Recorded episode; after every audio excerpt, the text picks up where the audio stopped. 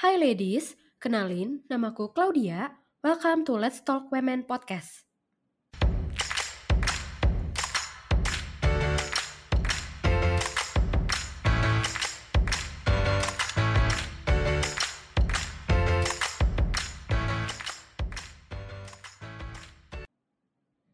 Di episode pertama ini, pastinya aku mau bahas sesuatu yang penting banget nih untuk para ladies. Yaps, sesuai dengan judul podcast, hari ini aku mau kupas tuntas mengenai bahaya diabetes pada perempuan. Kenapa sih aku pilih topik ini? Karena aku lagi riset nih tentang pola hidup yang sehat dan kebetulan aku menemukan data dari Diabetes Atlas edisi ke-8 yang diterbitkan oleh International Diabetes Federation pada tahun 2017 yang mengatakan bahwa lebih dari 199 juta perempuan hidup dengan diabetes dan angka tersebut diperkirakan meningkat menjadi 313 juta jiwa pada tahun 2040. Nah, aku ingin cari tahu apa sih yang menyebabkan perempuan terkena diabetes dan apa bahayanya. Untuk bahas soal ini pastinya aku gak sendirian nih, tapi sudah ditemani dengan tiga narasumber yang akan ngobrol bareng. Pertama, ada Dr. Rudi Kurniawan, seorang dokter internis dan juga founder dari komunitas Sobat Diabetes. Lalu ada Shelly Anzani, seorang penyandang diabetes tipe 1 yang akan berbagi cerita dengan kita. Dan juga ada Kak Osi, seorang relawan dari komunitas Sobat Diabetes yang akan sharing pentingnya peran komunitas untuk masyarakat dalam mencegah penyakit diabetes. Halo Dokter Rudi, Shelly, dan Kak Osi, gimana kabarnya? Halo, baik. Hai Klau, baik. Halo Kak. Baik. Baik dan sehat ya pastinya. Semoga ladies yang dengerin podcast ini juga sehat selalu dan terus jaga kesehatan karena kita lagi masih ada di tengah pandemi nih. Nah, ngobrolin soal diabetes. Langsung aja aku mau tanya nih pertama ke dokter Rudi Kurniawan. Nah dok, selain aku sebutkan riset yang tadi, aku juga menemukan data dari hasil riset kesehatan dasar pada tahun 2018 yang menyebutkan bahwa jumlah penyandang diabetes mellitus di Indonesia sebenarnya lebih banyak berjenis kelamin perempuan, yakni 1,8% daripada laki-laki yang hanya sebesar 1,2%. Kalau dilihat dari data ini nih dok, angka perempuan lebih tinggi dibanding laki-laki. Sebenarnya, apakah perempuan lebih rentan terkena penyakit diabetes? Mengapa hal itu bisa terjadi, dok? Apakah ada faktor tertentunya dari perempuan?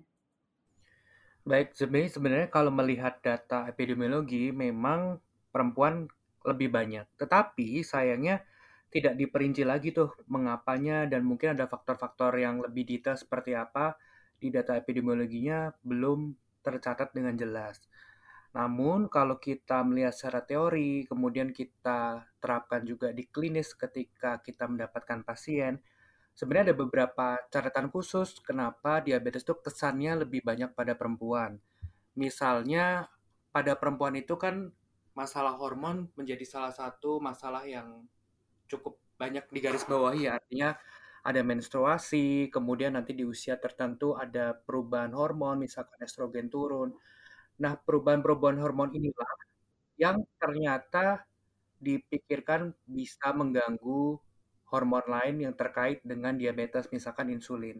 Salah satunya meningkatkan risiko resistensi insulin. Bisa juga misalnya pada perempuan secara umum kadar lemak tubuhnya tuh lebih tinggi daripada laki-laki.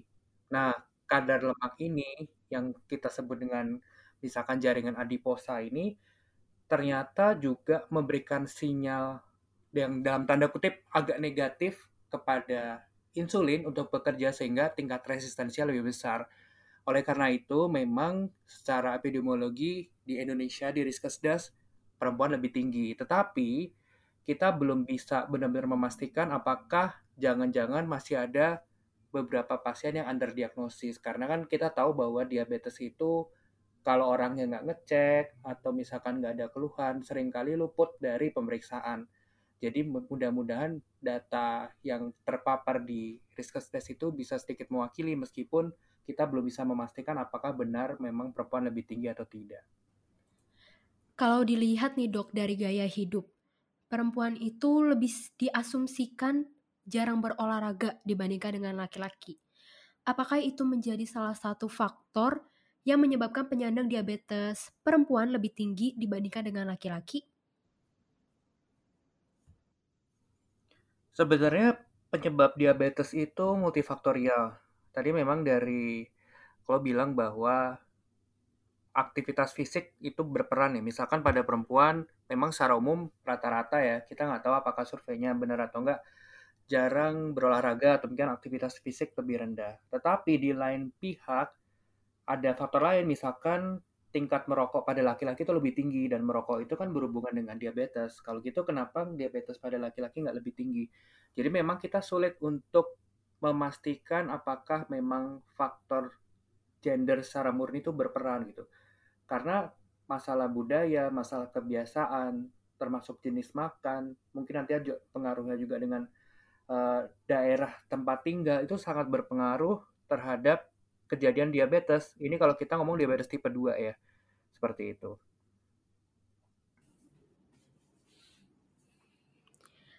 Nah, Dok, permasalahan lainnya yang menyebabkan jumlah penyandang diabetes sangat banyak ini adalah sulitnya terdiagnosis penyakit tersebut. Bagaimana tanggapan dokter terkait hal ini? Dan gimana sih dok caranya untuk mengetahui atau mengecek bahwa seseorang terkena penyakit diabetes? Iya, jadi memang mendiagnosis diabetes itu agak sulit kalau hanya melihat gejala klinis. Makanya kenapa banyak sekali yang tidak terdiagnosis. Sebenarnya paling gampang adalah dengan melakukan pengecekan gula darah. Misalnya tuh kan udah kita pada tahu ya pengecekan glukometer, atau bahkan bisa screening juga di laboratorium terdekat itu untuk tahu diabetes atau tidak. Dengan kondisi underdiagnosed ini sebenarnya data epidemiologi menjadi termasking atau tertutup. Mungkin sebenarnya jumlahnya bisa lebih besar daripada itu. Bisa satu dari empat atau lima pasien diabetes itu sebenarnya awalnya tidak terdiagnosis. Nggak cuma di Indonesia, tapi juga beberapa negara di luar juga seperti itu. Jadi sih harapannya uh, dengan kondisi ini mudah-mudahan sih teman-teman semua barangkali yang nanti mendengar podcast atau bisa menceritakan ke teman-teman yang lain, yuk sama-sama screening kita lebih ketahui diabetes sejak dini supaya dengan mengetahui lebih awal tata laksana yang dilakukan akan lebih baik dan harapan ke depannya lebih baik. Syukur-syukur kalau ketahuannya di prediabetes, yaitu satu satu kondisi sebelum diabetes sehingga bisa reversible seperti itu. Berarti penting banget buat uh, kita nih yang mungkin nggak tahu ada gejala atau enggak harus rutin ngecek uh, gula darah ya dok untuk mencegah Betul. penyakit diabetes. Oke dok, kalau ngomongin soal gejala nih dok, Seringkali gejala umum penyakit diabetes ini juga dianggap biasa oleh masyarakat karena sering dijumpai dalam kehidupan sehari-hari, seperti sering buang air kecil, sering merasa haus, atau cepat lelah. Apakah ada gejala yang lebih spesifik terutama bagi perempuan untuk menentukan apakah seseorang tersebut terkena penyakit diabetes atau tidak?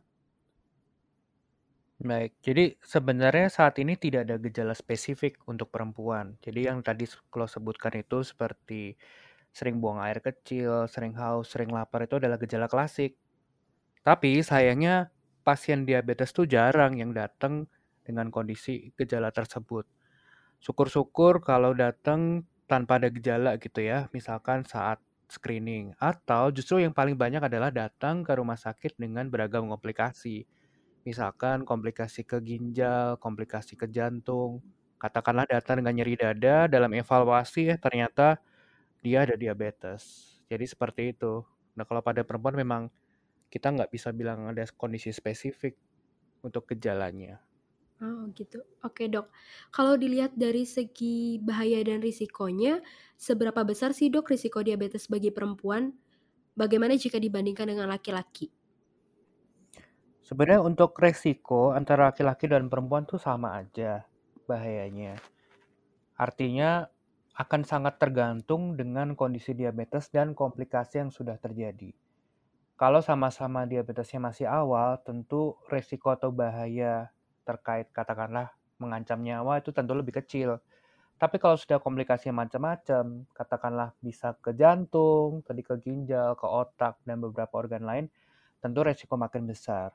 Tapi yang sedikit membedakan pada perempuan adalah perempuan kan ada kondisi reproduktif, artinya dia bisa hamil dan kondisi diabetes yang terjadi pada hamil itu meningkatkan resiko diabetes pada anaknya juga. Jadi mungkin bahayanya adalah apa ya kita bilang uh, rantai yang tidak terputus. Kalau misalkan ibunya diabetes, resiko anaknya kan tentu lebih besar daripada misalkan ibunya tanpa diabetes, ayahnya tanpa diabetes. Seperti itu mungkin yang membedakan apa sih bahaya yang spesifik pada perempuan dibandingkan laki-laki.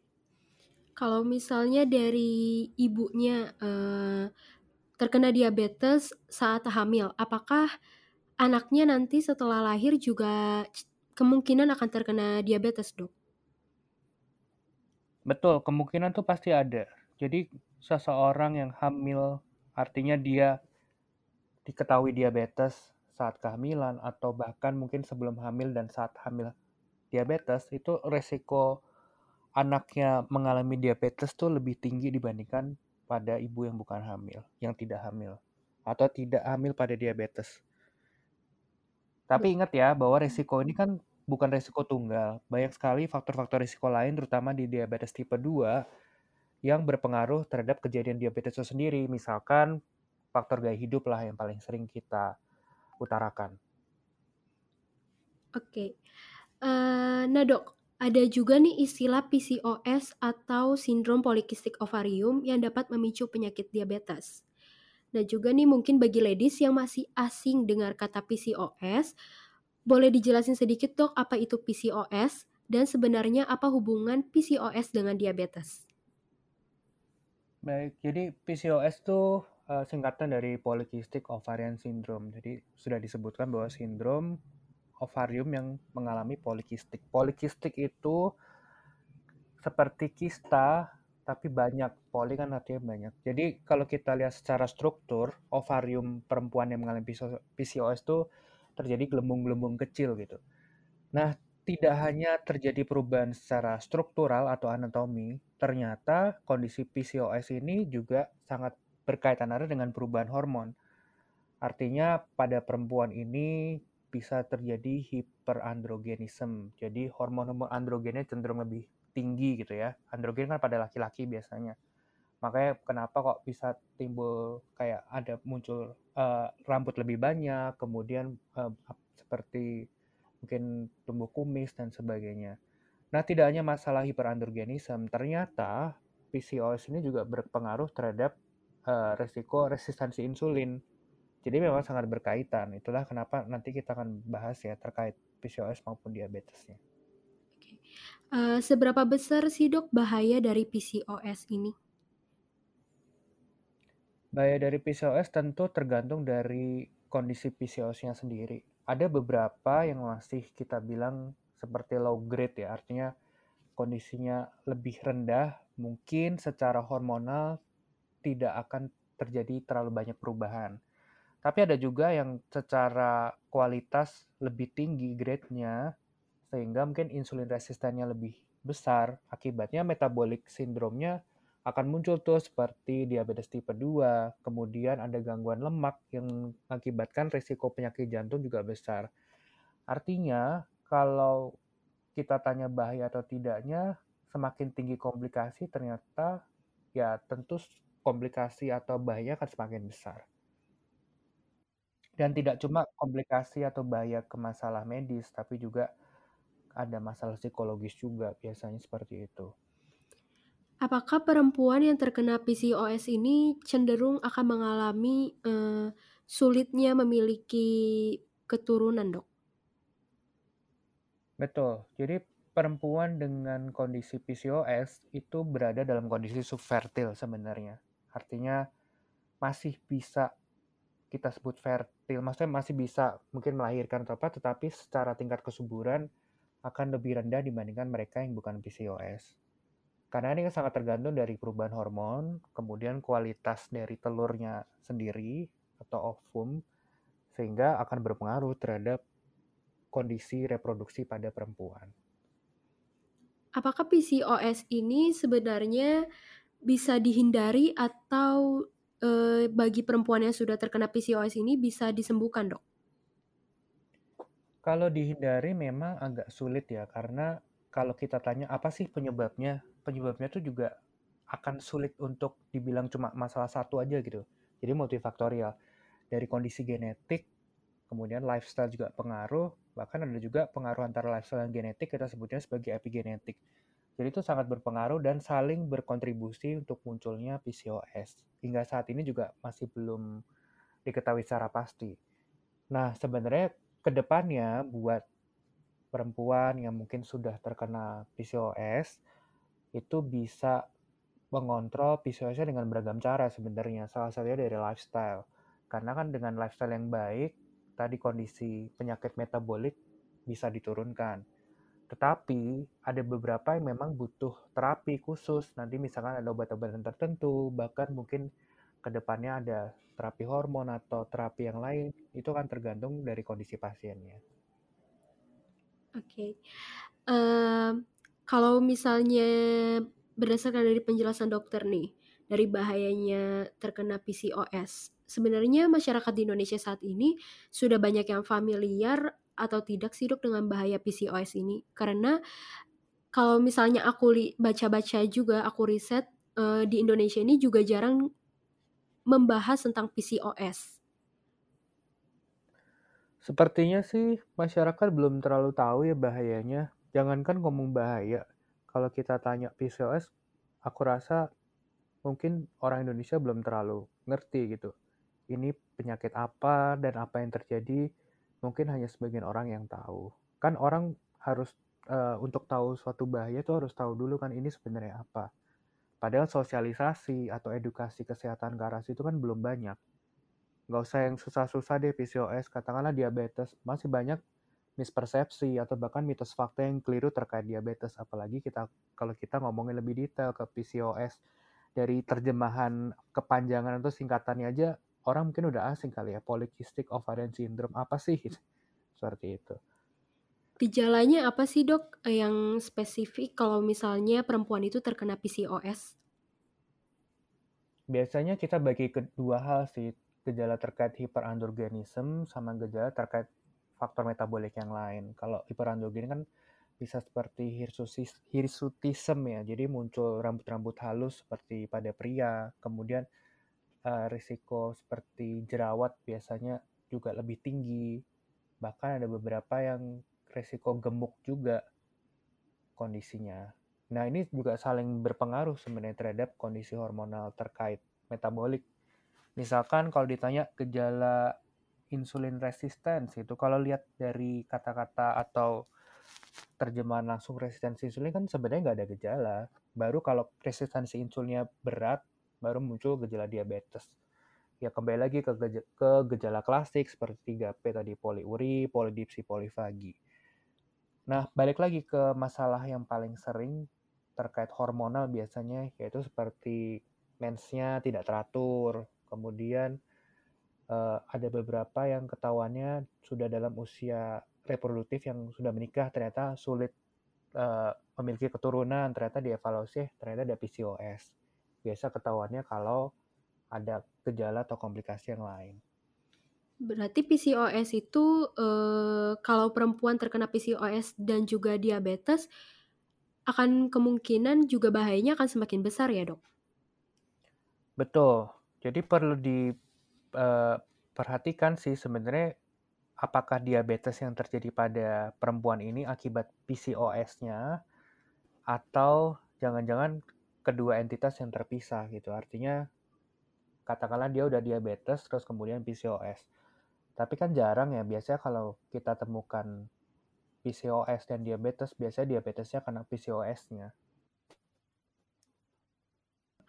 Gitu. Oke dok, Uh, setelah kita membahas nih dok tentang bahaya diabetes, sebenarnya penyakit diabetes itu bisa disembuhkan gak sih dok?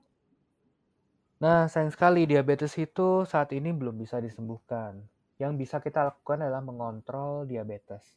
Ini yang sering orang salah biasanya kan ketika orang difonis bahwa diabetesmu tidak bisa sembuh, biasanya orangnya akan apa ya neglect atau bahkan lari gitu ya dalam tanda kutip akhirnya mencoba hal yang lain sehingga diabetesnya lebih parah. Itu yang kita tidak inginkan. Kalau masih dalam kondisi pre-diabetes itu masih bisa sembuh karena dia sifatnya reversible. Artinya bisa kembali ke kondisi normal. Oke. Okay. Uh, oh iya gitu. dok, uh, penyandang diabetes itu yang sudah kronis itu kan harus menyuntikkan insulin terus ya dok uh, sebelum makan harus disuntik. Sebenarnya menyuntikkan insulin itu apakah memiliki efek samping atau dampak yang buruk buat tubuh sendiri dok? Terkait suntik insulin, kita harus tahu indikasi penyuntikan insulin. Tidak selalu pasien diabetes lama itu butuh insulin, begitu pula sebaliknya ada beberapa kondisi pasien diabetes baru atau mungkin kondisi awal yang perlu insulin itu juga ada. Misalnya kalau kondisi lama yang butuh insulin tuh misalkan sudah minum obat dengan beberapa macam, sudah diet optimal ternyata masih tetap tidak terkontrol itu baru diberikan insulin.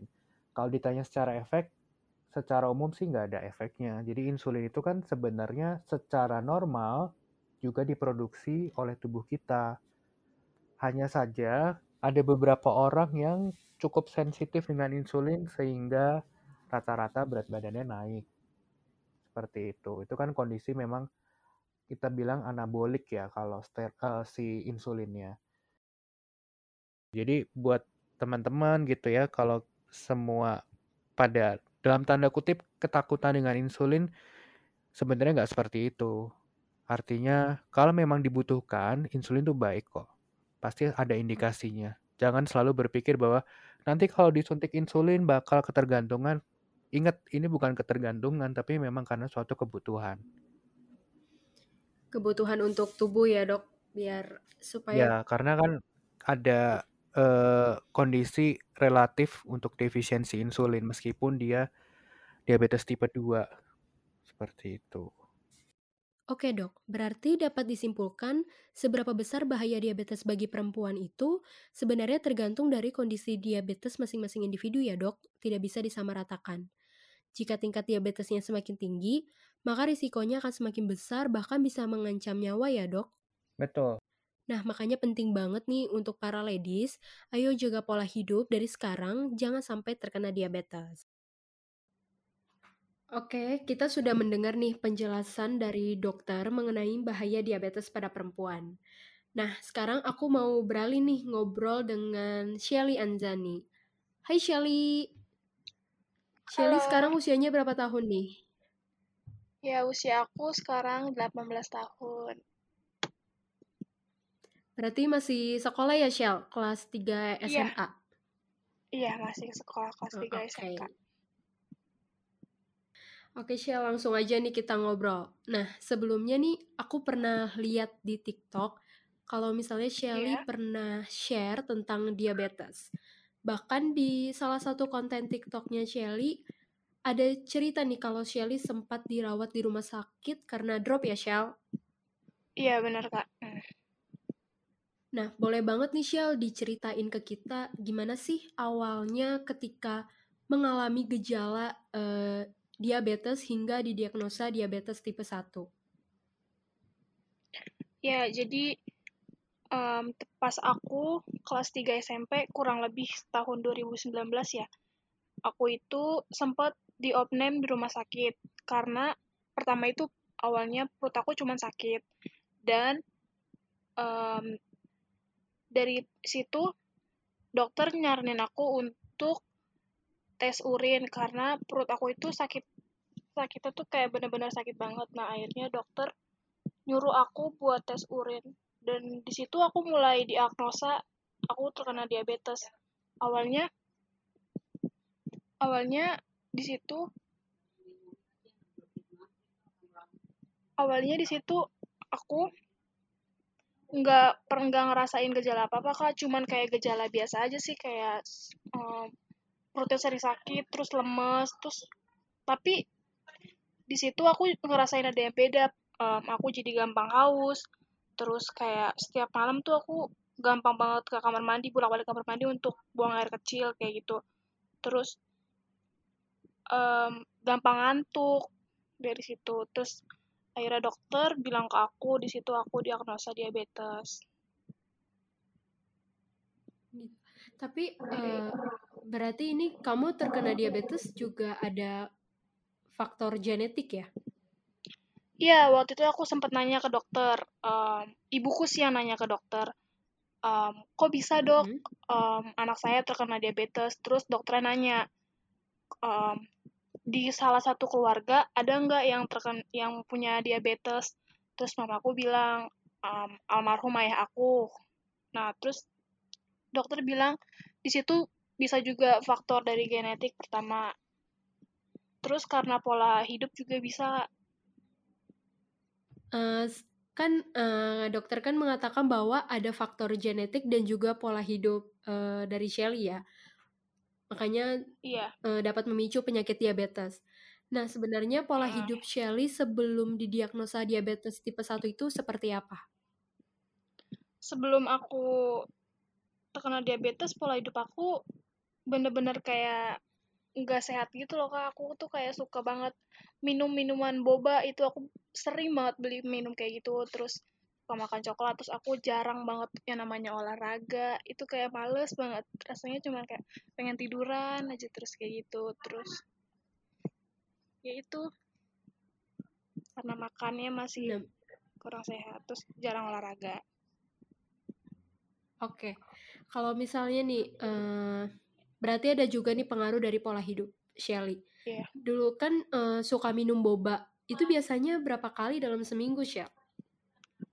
Um, aku tuh dalam waktu seminggu bisa bisa berkali-kali bahkan sehari bisa beli dua kali. Dan um, kalau di sekolah nih ya hmm. aku tuh suka kayak minum tuh nggak kayak semacam es es es yang seribuan itu yang tijus kayak gitu teh sisri. Nah itu juga aku sering banget beli. Sehari itu bisa sampai tiga kali bahkan lebih dari itu. Wah itu setiap hari minum kayak gitu terus ya iya dari masa bahkan sekolah bahkan itu pas aku udah terkena diagnosa diabetes aku masih suka minum itu kak di sekolah wah berarti itu bener-bener memicu banget ya Shell um, meningkatkan risiko untuk terkena diabetes sebenarnya. Iya, bisa kemungkinan gitu. Apakah ada perbedaan pola hidup Shell setelah didiagnosa diabetes tipe 1? Seperti apa sih Shell perbedaannya nih yang dilakukan oleh Shelly? Yang mungkin uh, awal Shelly kurang memperhatikan pola hidupnya, lalu setelah didiagnosa ini kayak pokoknya aku harus banget nih kurangin minuman boba atau minum yang manis-manis atau makan coklat dan lainnya. Iya, perbedaannya sih pasti jauh banget beda ya Kak dari sebelumnya sama sesudah aku terkena diabetes. Sebelumnya yang kayak aku suka masih suka minum minuman boba, terus kayak manis-manis semacam coklat, kue dessert yang manis gitu, terus jarang olahraga. Dan sekarang semenjak udah diagnosa jadi kayak lebih diperhatiin banget dari mulai makannya, terus um, apa rajin olahraga, terus udah gitu kan aku kan sekarang beda banget ya. Dulu kan aku tuh ke mana-mana nggak pernah yang namanya bawa suntikan aku ini kan. Jadi aku tuh kalau misalnya ke mana-mana harus banget bawa suntikan dan sebelum makan itu pasti aku harus selalu suntik dan cek gula darah aku itu selalu rutin. Jadi kayak beda banget dari dari aku sebelum terkena diabetes. Kayak lebih banget diperhatiin kesehatannya nomor satu. Oke, uh, pantangan makanan atau minuman atau asupan deh dari dokter itu apa sih Shell untuk Shell ini? Kalau dokter sih bilang ke aku, sebenarnya untuk diabetes itu nggak ada nggak ada batasan dan eh nggak ada pantangannya gitu kak, cuman hanya mengurangi, jangan kayak terlalu berlebihan gitu. Dokter sih bilang untuk mengurangi makanan yang berkarbohidrat, terus manis juga tentu. Pokoknya yang yang paling itu tuh karbohidratnya sih lebih dikurangin gitu. Terus kayak harus banyak yang protein. Oke, berarti kalau misalnya mau makan juga apakah perlu dipertimbangkan dulu nih Shell? Maksudnya kadar gula darah yang tinggi itu uh, untuk Shelly itu harus bisa terima berapa banyak kadar gulanya dan lainnya atau enggak sih? Um, iya kak, karena kan di setiap makanan itu kan pasti kadar gulanya eh kadar gulanya pasti beda-beda ya terus um, kalau makan itu sama dokter nyarinin tuh kayak harus digramin gitu loh makan.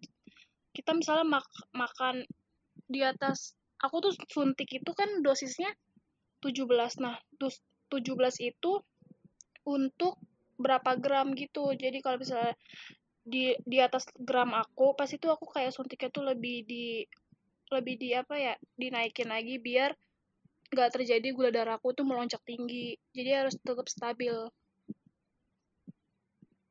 berarti makanannya juga harus digram-gramin semuanya ya, Shell? Minuman iya, juga kadang, mungkin uh, kalau misalnya iya. Mau minum manis juga. Iya, kayak gitu. Oke.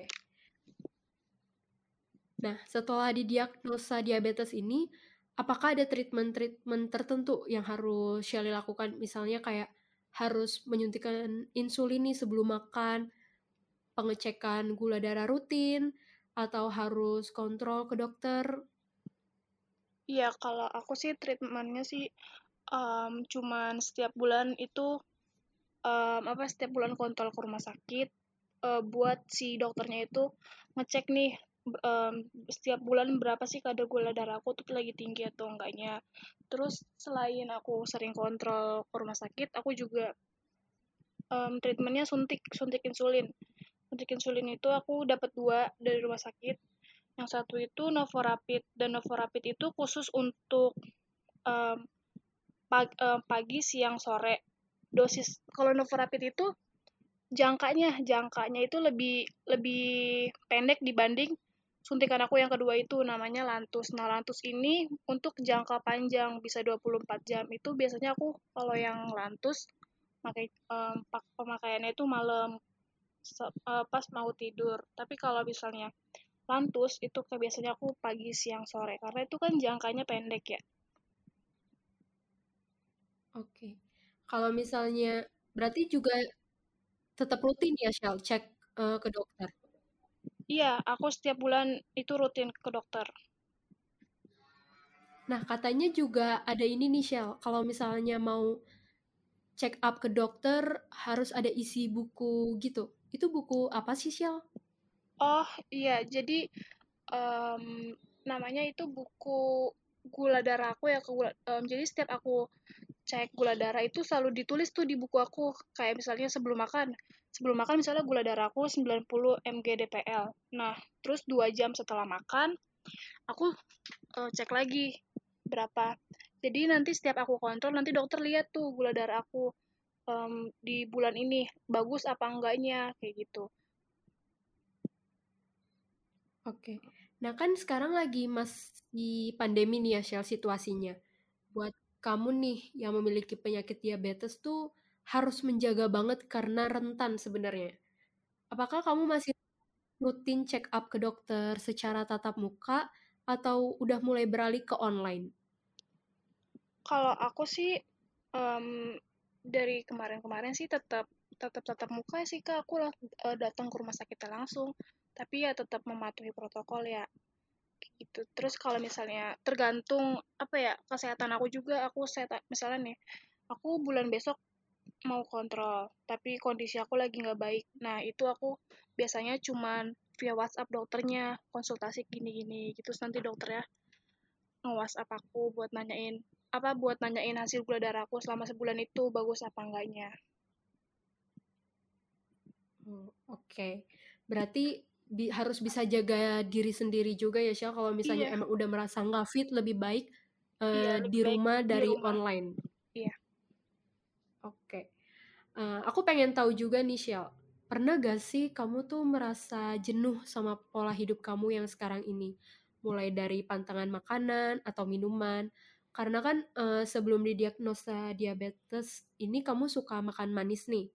Pernah gak sih kamu pengen banget coba makanan atau minuman yang lagi viral nih, yang harusnya kamu gak boleh makan atau minum, tapi kamu tetap makan atau minum itu? Kalau jenuh sih pasti banget ya kak jenuh. Kayak tiap hari aku harus suntik sebelum makan kayak gitu. Terus uh, ngelihat kak apa nih di TikTok nih ya makanan yang lagi viral atau lagi rame orang-orang nah aku kadang kepengen terus aku um, aku masih ngeberaniin nyoba buat makan tapi dengan satu syarat nggak boleh berlebihan gitu jadi makannya harus kayak dibatasin terus ya balik lagi sebelum makan itu harus suntik dulu dan cek gula darahku kayak gitu tetap aku kok Tapi pernah makan gak sih? kayak biasa Oh, Hmm? oke. Tapi pernah gak Syal, eh, kamu eh, merasakan apa ya? Maksudnya ketika kamu makan, kamu tuh Iya. kayak merasa, wah ini udah berlebihan banget nih, harusnya nggak boleh nih. Dan tiba-tiba gula darah kamu nih mendadak naik atau rendah dari biasanya. Biasanya apa sih yang kamu rasain kalau udah kayak gitu? biasanya kalau misalnya aku kayak kayak kemarin kak kemarin kan aku gula darah aku lagi bener-bener drop terus lagi tinggi gula darah aku sekitar 250 itu bagi aku segitu udah mul- udah tinggi ya. Itu gara-garanya aku makan makan ramen yang terlalu berlebihan. Terus aku kayak ngerasa mual terus em, pusing sama apa kabut gitu kayak matanya kayak buram gitu. Nah itu aku langsung cek dan bener gula darah aku di situ tinggi. Dan aku gara-gara makannya berlebihan gitu. Biasanya hal apa sih yang kamu lakuin untuk masalah-masalah kayak gini Syal? Untuk mengatasi hal tersebut tuh kayak gimana sih? kalau untuk gula darah tinggi sih aku balik lagi ke aku suntik suntik cuman kalau gula darah aku lagi rendah em, kan kalau gula darah tinggi itu karena terlalu berlebihan makanan makanan ya tapi kalau misalnya gula darah rendah itu kayak kita kekurangan gula gitu nah kalau misalnya aku lagi lagi apa gulanya lagi rendah itu aku biasanya diwajibin sama dokter untuk minum teh manis tapi kalau gula darahnya tinggi itu aku harus suntik Oke. Eh, kalau misalnya kontrol makanan itu sebenarnya emang susah juga ya, Syal. Harus butuh tahan godaan. Kayaknya harus iya butuh uh, uh, kekuatan benar iman nih, biar gak tergoda. sendiri iya Pernah gak sih kamu tuh merasa takut atau khawatir dengan diabetes ini? Eh, dan sebenarnya apa sih yang menjadi, kalau misalnya kamu merasa takut atau khawatir ya, apa yang menjadi kekhawatiran kamu setelah kamu tahu nih kamu harus menjalani kehidupan dengan diabetes? Em, banyak sih kak khawatirnya aku tuh banyak banget apalagi em, apa ya teman mamaku kan banyak yang terkena diabetes terus ada yang bilang diabetes tuh rentan loh untuk bisa kayak komplikasi kalau misalnya gula darah kamu gak bisa dijaga terus makannya gak dijaga. Dan dia tetangga tetanggaku juga banyak yang sudah komplikasi gitu. Bahkan buk, em, bahkan bisa nyam, bisa sampai ya gitu sampai meninggal gitu kan. Dan sekarang kan juga diabetes nggak lihat dari umur ya kak. Em, sekarang Iya betul banget. bahkan banyak yang anak kecil udah terkena diabetes kayak gitu. Terus yang aku khawatirin tuh yaitu kalau misalnya aku nggak bisa ngejaga gula darah aku dan sal- em, dan bisa terkena komplikasi komplikasi itu kalau kata dokter bisa ter- bisa nyebarnya itu ke, em, pertama ke saraf-saraf kecil ya kayak kayak kaki mata. Tapi kalau misalnya udah ke saraf besar itu kayak otak paru-paru jantung itu bisa kena kalau misalnya kita nggak bisa ngontrol Em, balik sedikit lagi nih, Shell. S- setelah kamu mengetahui nih bahwa kamu didiagnosa diabetes, usia kamu kan masih muda banget nih. iya Waktu itu berarti masih kelas 3 SMP ya, Shell? iya 3 SMP sekitar 15 tahun Nah. mungkin ya apa 16 gitu Oke. Apakah sempat mengganggu kondisi mental kamu saat itu? Awal aku di terkena dia eh, diabetes dibilang dokter aku sempet down ya kak. Terus kayak ngerasa sedih terus bawaannya em, kok bisa em, seumuran aku gitu loh kena diabetes? Karena kan aku masih pengen bisa kayak teman-temanku lah gitu loh kayak makan masih masih bisa makan apa aja terus masih bisa beraktivitas kayak biasanya gitu loh. Terus di situ aku sempat kayak sedih terus bawaannya nangis stres kok ya gitu aku banyak banyak mikir. Terus aku sering banget sedih mamaku juga apa ngelihat aku kok sedih terus. Mamaku bilang udah nggak apa-apa sabar aja tabah. Namanya juga sakit nggak ada yang tahu kan. Terus udah udah udah dari sana ya udah ngasih ya udah terima aja gitu. Terus ya udah semenjak itu aku kayak ngejalaninnya kayak biasa aja. Kayak layaknya Nah, orang gimana? sehat gitu iya kan Eh, nah, gimana eh, teman-teman kamu di sekolah saat itu nih? Yang biasanya kan kamu yang suka, mungkin kamu terkenal yang suka jajan yang manis-manis nih iya di lingkungan teman-teman kamu. Itu support teman-teman kamu seperti apa sih kalau di sekolah atau kayak jangan minum itu lagi Shell atau tahan Shell atau gimana? Eh, iya Em, temen aku sih supportnya baik-baik ya kak terus lebih kayak perhatian gitu terus kalau misalnya aku kayak mau makan pasti kadang temen aku suka ingetin cek dulu terus suntik dulu baru makan gitu banyak banyak Pernah gak sih? peduli. Banyak yang peduli berarti. iya Pernah gak sih Shell kamu tuh mau makan tapi lupa suntik? iya pernah kak Eh, aku waktu itu lagi main sama temanku dan aku lupa bawa suntikan aku. Di situ aku nggak sadar aku aku nggak suntik terus main asal makan makan aja terus nyampe rumah kok aku pusing lemes dan pas aku cek ya bener gula aku tinggi bener-bener tinggi banget di situ.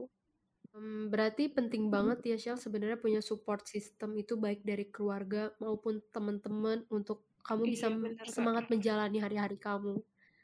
iya. Yang awalnya mungkin kamu down, terus sekarang kayak udah dibuat lupa juga mungkin sama diabetes, tapi nggak lupa juga sama eh, rutinitas-rutinitasnya juga iya ya Shell. iya Kayak menyuntik insulin dan segala macam. Yang penting dibawa happy aja ya Shell. iya di bawah happy aja Untuk di jalanin. santai syukurin aja gitu Iya betul. Kuncinya cuma itu sebenarnya Shell. iya Nah, kan kamu juga share nih tentang diabetes di media sosial kayak di TikTok. Dan aku sempat Iya. lihat juga nih banyak banget yang memberikan komentar untuk terus semangat dan lainnya. iya. Sebenarnya apa sih yang memotivasi kamu untuk sharing mengenai diabetes di media sosial? apa ya kak aku kayak iseng aja gitu terus kayak mau ngasih ke ngasih pengalaman aku aku pengalaman apa pengalaman aku sakit diabetes tuh kayak gini-gini terus yang aku alamin terus buat orang apa ya ngasih tahu ke orang buat selalu tetap jaga kesehatan kayak gitu Cuman, Betul banget nih ya, iya, Terkadang memang iya, iya kak iya kenapa? Iya, Kak. Tadinya awalnya cuman iseng-iseng aja bikin video gitu. Terus aku kaget kok bisa rame. Terus banyak yang semangatin juga, yang support aku. Di situ aku kayak jadi lebih tambah tambah semangat lagi buat ngejalaninnya gitu. Betul banget nih Shell. Terkadang memang peran media sosial itu sebenarnya sangat besar pengaruhnya buat kita dan juga masyarakat. Nah, dengan Iya. kita bisa sharing tentang pengalaman apa yang kita alami, bisa diambil juga nih pembelajarannya buat mereka seperti cerita Shelly ini. Jujur, aku banyak banget nih belajar dari Dr. Rudy dan juga Shelly terkait diabetes khususnya pada perempuan. Eh, terakhir nih Shell, harapan Shelly untuk masyarakat agar lebih aware dengan pola hidup sehat dan supaya terhindar dari diabetes, terutama untuk perempuan, apa nih Shell? Em, kalau aku sih ya ke pertama ya pastinya jaga kesehatan ya. Terus em, buat makannya juga dijaga, dipilih-pilih dulu lah makanan mana yang bersih, mana yang enggak. Terus pasti kalau em, pastiin kalau bisa kita makan makan masakan kita. Karena kan kalau misalnya kita beli kita nggak tahu ya em, itu pakainya apa bahan-bahannya terus bersih atau enggaknya. Jadi kayak lebih baik makan buatan kita sendiri. Terus em, jangan lupa buat olahraga. Pokoknya sempet-sempetin deh. Sehari minimal 30 menit deh em, wajib banget olahraga. Karena itu ngaruh banget buat kesehatan juga ya olahraga gitu Penting banget ya Shell buat eh, olahraga terus, walaupun eh, mau yang sehat maupun yang sakit, olahraga tuh nggak boleh dilupain. iya bener Baik, terima kasih Shelly sudah mau sharing pengalaman kamu sama kita semua.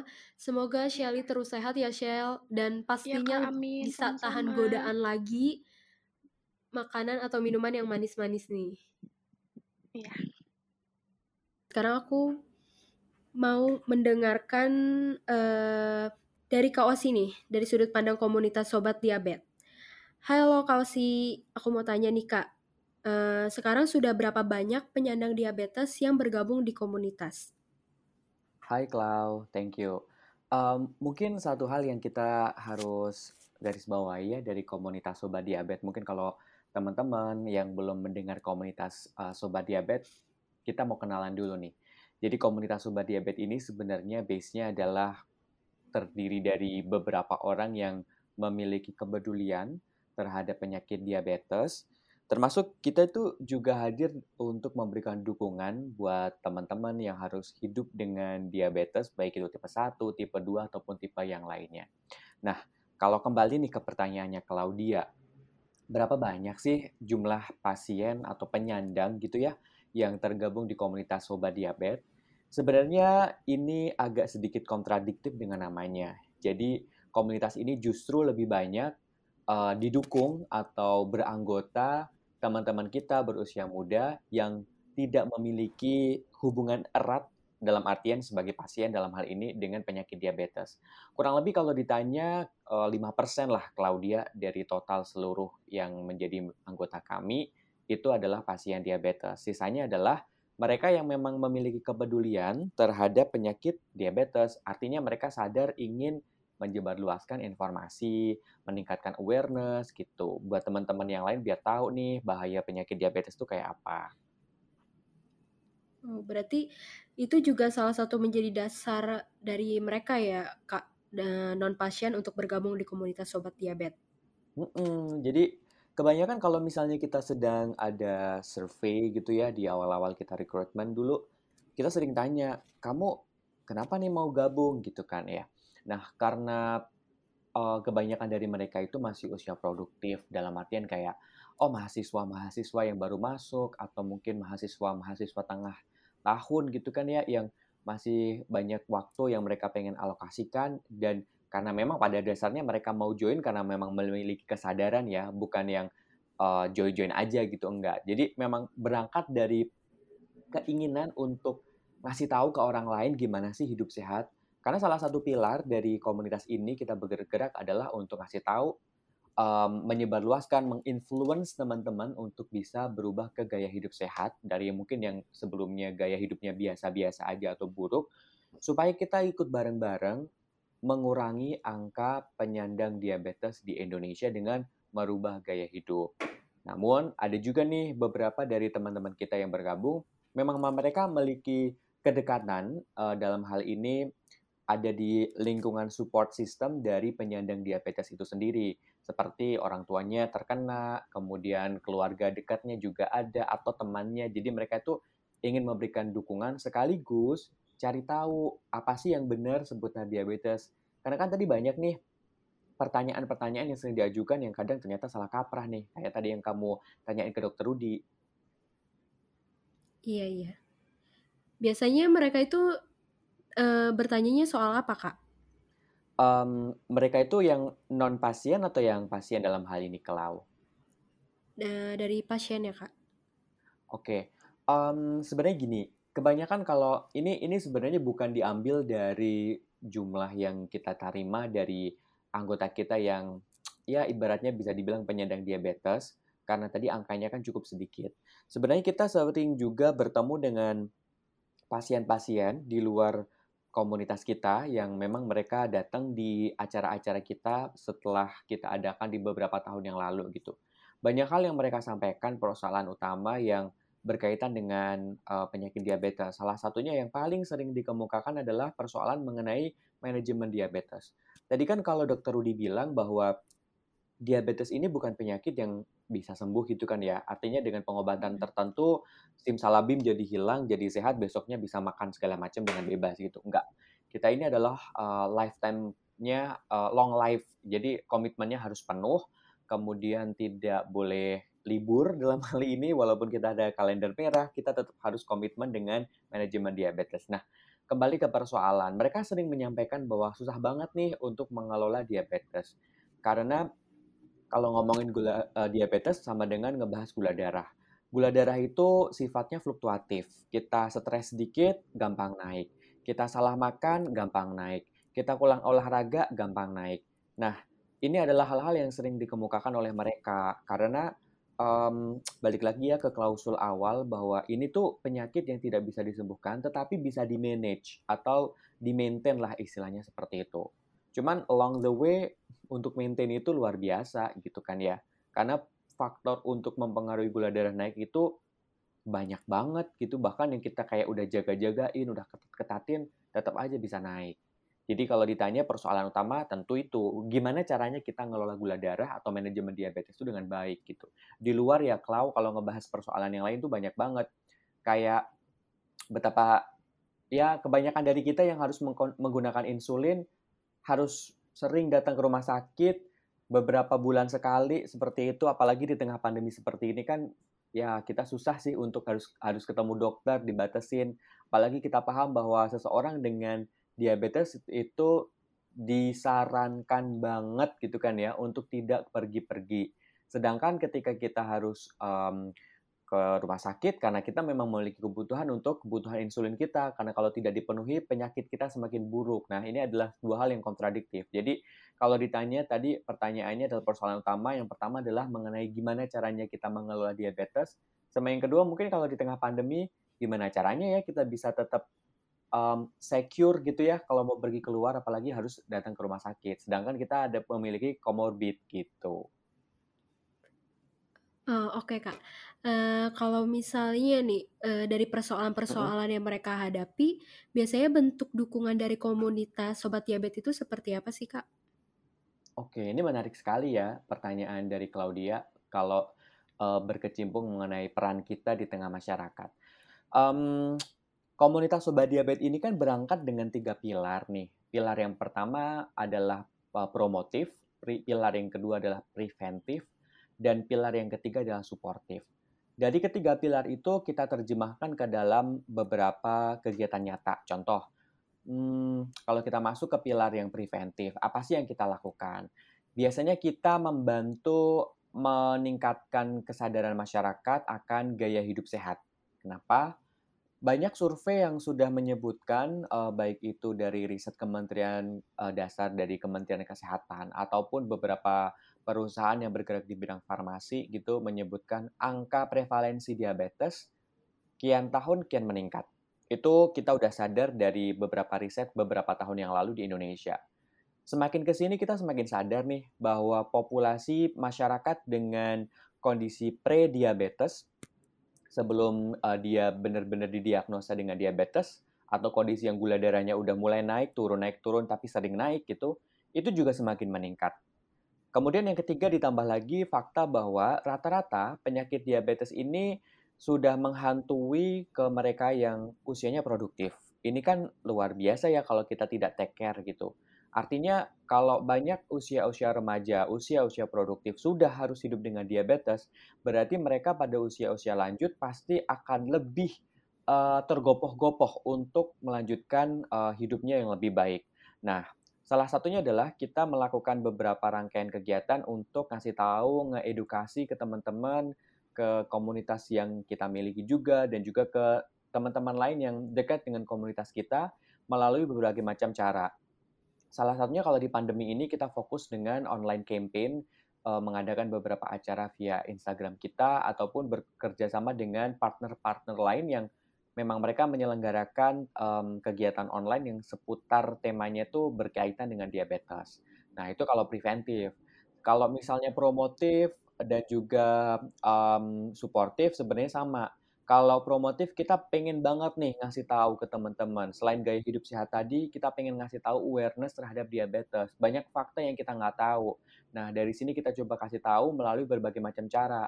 Tapi karena kita masih di pandemi, jadi kita masih maksimalkan nih yang online. Seperti publishing artikel, kemudian beberapa poster kita coba uh, bikin barengan sama teman-teman juga. Nah, kalau suportif, belakangan ini kita ada beberapa kegiatan yang kita rangkul dengan teman-teman lain yang memberikan dukungan untuk ngasih support ke mereka yang harus hidup dengan diabetes. Caranya banyak. Kita beri mereka um, alat penunjang kesehatan karena mereka menggunakan insulin, jadi kita bantu mereka memenuhi kebutuhannya. Terus ada juga kita sering ngadain acara yang kita bagi-bagi juga glukometer. Kan tadi dokter Rudi bilang, kalau screening itu penting, jangan sampai kita harus nunggu gejala klasik muncul. Karena gejala klasik muncul itu pertanda kalau gula darahnya udah naik. Nah, sebelum gula darahnya naik, kita jagain diri yuk. Caranya gimana? Sering-sering kita cek gula darah. Gitu, Klau. Jadi peran kita tuh adanya di porsi itu. Berarti uh, penting banget ya Kak dari peran dari komunitas ini untuk memberikan motivasi bagi penyandang diabetes dan juga meningkatkan kesadaran masyarakat akan bahaya diabetes. Nah, kalau misalnya bicara soal meningkatkan kesadaran masyarakat akan bahaya diabetes nih Kak, kalau misalnya dari peran komunitas itu uh, biasanya ngebahasnya tentang apa kak? Kalau meningkatkan kesadaran ya, jadi um, ini kalau kita berkaca ke beberapa kegiatan yang di tahun 2020 kita jalankan setahun penuh gitu ya melalui Instagram Live, kita mengangkat tema yang sifatnya dua. Satu yang um, medis gitu ya, yang berkaitan dengan penyakit diabetes dan juga um, kedekatan dengan beberapa kondisi kesehatan. Contoh, hubungan diabetes dengan mata, hubungan diabetes dengan jantung, dengan ginjal itu kan dekat. Jadi kita kupas di situ barengan sama dokter-dokter rekanan kita yang memang ahli di bidangnya sehingga kita sih sama nyimak nih. Sebenarnya diabetes itu kalau dekat dengan kondisi organ-organ tadi atau kondisi-kondisi kesehatan seperti yang lainnya itu seberapa parah dan kita tahunya caranya gimana nih untuk mengurangi resiko itu menjadi lebih parah. Tapi kita juga mengangkat tema-tema yang sifatnya untuk mendukung ke arah preventif dan promotif yang ringan yang bisa diterapkan oleh masyarakat. Kayak kita ngasih tahu nih, hidup sehat itu caranya gimana? Yang penting untuk hidup sehat itu apa? Kemudian tujuannya itu kita hidup sehat itu sebenarnya apa sih gitu kan sama pada akhirnya kita tahu bahwa overall kalau kita udah ngejalanin poin A, poin B, hidup sehatnya udah dijalanin, kita semakin paham dengan kondisi penyakit diabetes itu yang tadi kayak dibilang dokter Rudi nggak bisa disembuhkan, dekat dengan beberapa gejala penyakit kronis gitu kan ya, kondisi yang lebih buruk, kita jadi makin paham nih. Sebenarnya kita ngejagain diri tujuan akhirnya bukan untuk uh, short term aja nih. Tapi kita pengen ngejagain di usia-usia yang nanti lanjut, kita tuh masih bisa menikmati hidup, masih bisa menjalankan kehidupan kita. Jadi kalau misalnya ditanya perannya gimana untuk ngasih awareness, ya kurang lebih kita ngenyadarin ke situ gitu kan ya. Sedangkan masyarakat kita kan masih belum paham. Konsep diabetes tuh pasti mereka masih berpikir, ini hubungannya dengan penyakit yang orang udah tua gitu. Padahal enggak gitu. Usia-usia produktif seumuran kita itu juga diincar sama si penyakit diabetes ini. Gitu, Klau. Oh. Oke, Kak. Hmm, pertanyaan terakhir nih. Aku mau tanyakan ke dokter Rudi. Melihat dari risiko dan bahaya diabetes pada perempuan, yang sudah tadi dijelaskan oleh dokter Rudi juga, langkah apa sih dok yang harus perempuan lakukan agar tidak semakin banyak yang memiliki penyakit diabetes? Baik, jadi sebenarnya langkah yang harus kita lakukan itu adalah hidup lebih sehat ya. Kalau untuk pencegahan sih paling gampang itu ya. Jadi bisa misalkan olahraga teratur, kemudian memilih makan yang lebih sehat, katakanlah rendah gula, rendah garam, rendah lemak. Baru kemudian satu langkah setelah itu adalah bagaimana kita bisa melakukan screening yang lebih baik. Screening itu artinya pengecekan awal gitu dengan adanya screening kan kalau misalkan ketahuan lebih awal tentu tata laksananya akan lebih baik. Mungkin itu aja sih sebenarnya cara paling mudah. Baik dok, kalau ngomongin soal diabetes nih luas banget ya. Gak Betul. terasa kita mm -hmm. udah ngobrol bareng selama satu jam. Oke ladies, ayo sebisa mungkin kita harus memperhatikan gaya hidup kita dari sekarang, mulai hidup sehat agar terhindar dari diabetes dan pastinya juga terhindar dari bahaya dan risikonya. Nah, bagi para penyandang diabetes, tetap semangat terus dan jangan lupa untuk selalu bersyukur ya. Oke, terima kasih banyak Dokter Rudi, Shelly, dan Kak Osi sudah meluangkan waktu dan membagikan ilmu juga pengalaman di episode podcast kali ini. Sama-sama. Sampai jumpa di episode podcast berikutnya, ladies.